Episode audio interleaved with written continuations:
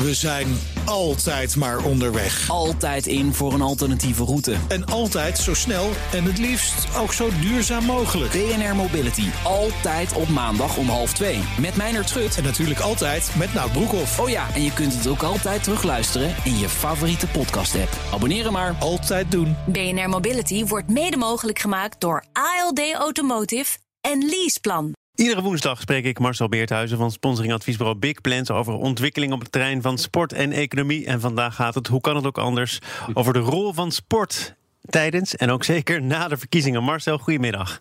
Hoi, goedemiddag Thomas. Ik heb best wel wat lijsttrekkersdebatten gezien. Weinig sport voorbij horen komen. Heb ik niet goed opgelet? Nee, in de verkiezingsprogramma staat ook maar heel weinig over sport hoor. Er zijn zelfs partijen waar het helemaal niet genoemd wordt. Als je dan gaat zoeken, dan vind je wel transport, maar niet sport. Ah.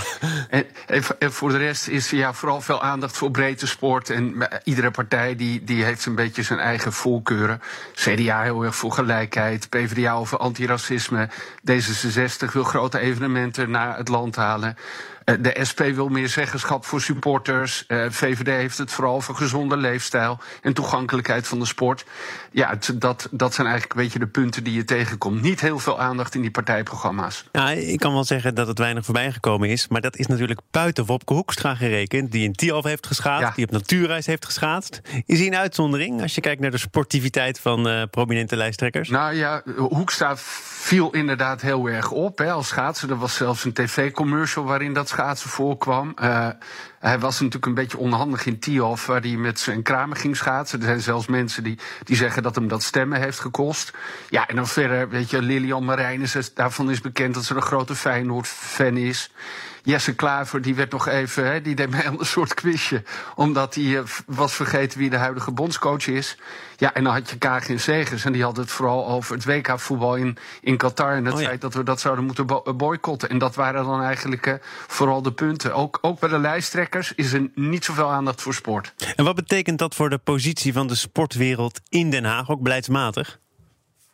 Ja, in het begin, zeker toen de coronacrisis uitbrak, hebben we natuurlijk al gezien dat, dat de sport er niet goed op stond in Den Haag. Dat, dat, dat een hele lage prioriteit.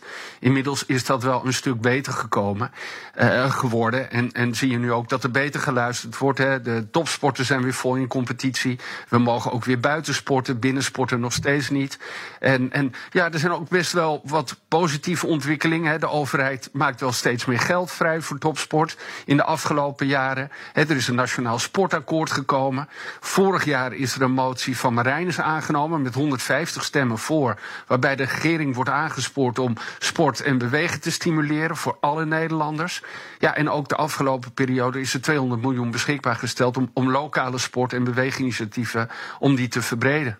Zou het nog helpen als er echt een minister van sport wordt aangesteld? Want nu past het binnen een bepaalde portefeuille. Vaak is het een beetje bijvangst.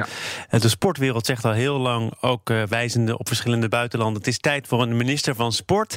Kun jij je daarin vinden? Nou, ik ben, ik ben er niet zo voor. weet je, het is, uh, de totale sportbegroting bij VWS is 400 miljoen. En het totale budget van dat ministerie is 85 miljard. Ja. Je, je, hebt denk ik niet iemand nodig die lintjes knipt en naar evenementen gaat.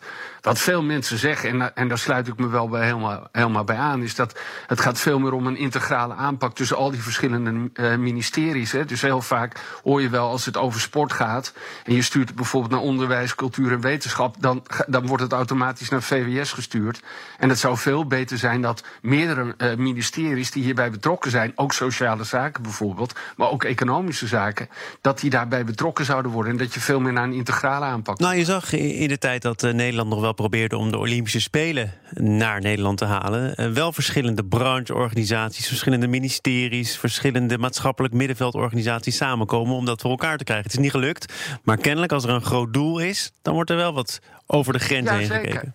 Ja, en dan is er ook veel te halen natuurlijk, weet je wel. Zowel commercieel als maatschappelijk. En dat kan een goede invloed hebben. Nou, de laatste poging om de Spelen naar Nederland te halen... die zijn toen gestrand vanwege de budgetten. Inmiddels is er wel weer een beter klimaat voor. En wordt er ook aan, achter de schermen hard aan gewerkt. Maar dan zie je wel dat iedereen kan samenwerken. En dat is overigens ook, als het over de Olympische Spelen gaat... de enige manier om het te organiseren in ons land. Is er nog, eh, wat jou betreft, één specifieke belangrijke opdracht... voor een volgend kabinet? Ja, zeker Thomas, maar dat, dat is niet zo moeilijk, weet je wel. Juist nu in deze crisis weet iedereen dat, dat sport en bewegen, het is niet alleen sport, maar bewegen ook voor iedereen heel erg belangrijk is, weet je. En dat gaat niet alleen al om het fysieke aspect, maar ook hè, dat je mentaal en sociaal fit wordt. En dat betekent investeren in bewegingsonderwijs. Er zijn nu heel veel kinderen die kind van de rekening worden, omdat ze gewoon geen toegang meer hebben. En kinderen en jongeren zijn, wat mij betreft, de allerbelangrijkste groep. En daar zou heel veel in geïnvesteerd kunnen worden om die aan het sporten en het bewegen te krijgen. Dat is goed voor nu en zeker voor de toekomst. Dankjewel, Marcel Beerthuizen van Sponsoring Adviesbureau Big Plans. Tot volgende week. We zijn altijd maar onderweg. Altijd in voor een alternatieve route. En altijd zo snel en het liefst ook zo duurzaam mogelijk. BNR Mobility. Altijd op maandag om half twee. Met Meijnerd Schut. En natuurlijk altijd met Nout Broekhoff. Oh ja, en je kunt het ook altijd terugluisteren in je favoriete podcast-app. Abonneren maar. Altijd doen. BNR Mobility wordt mede mogelijk gemaakt door ALD Automotive en Leaseplan.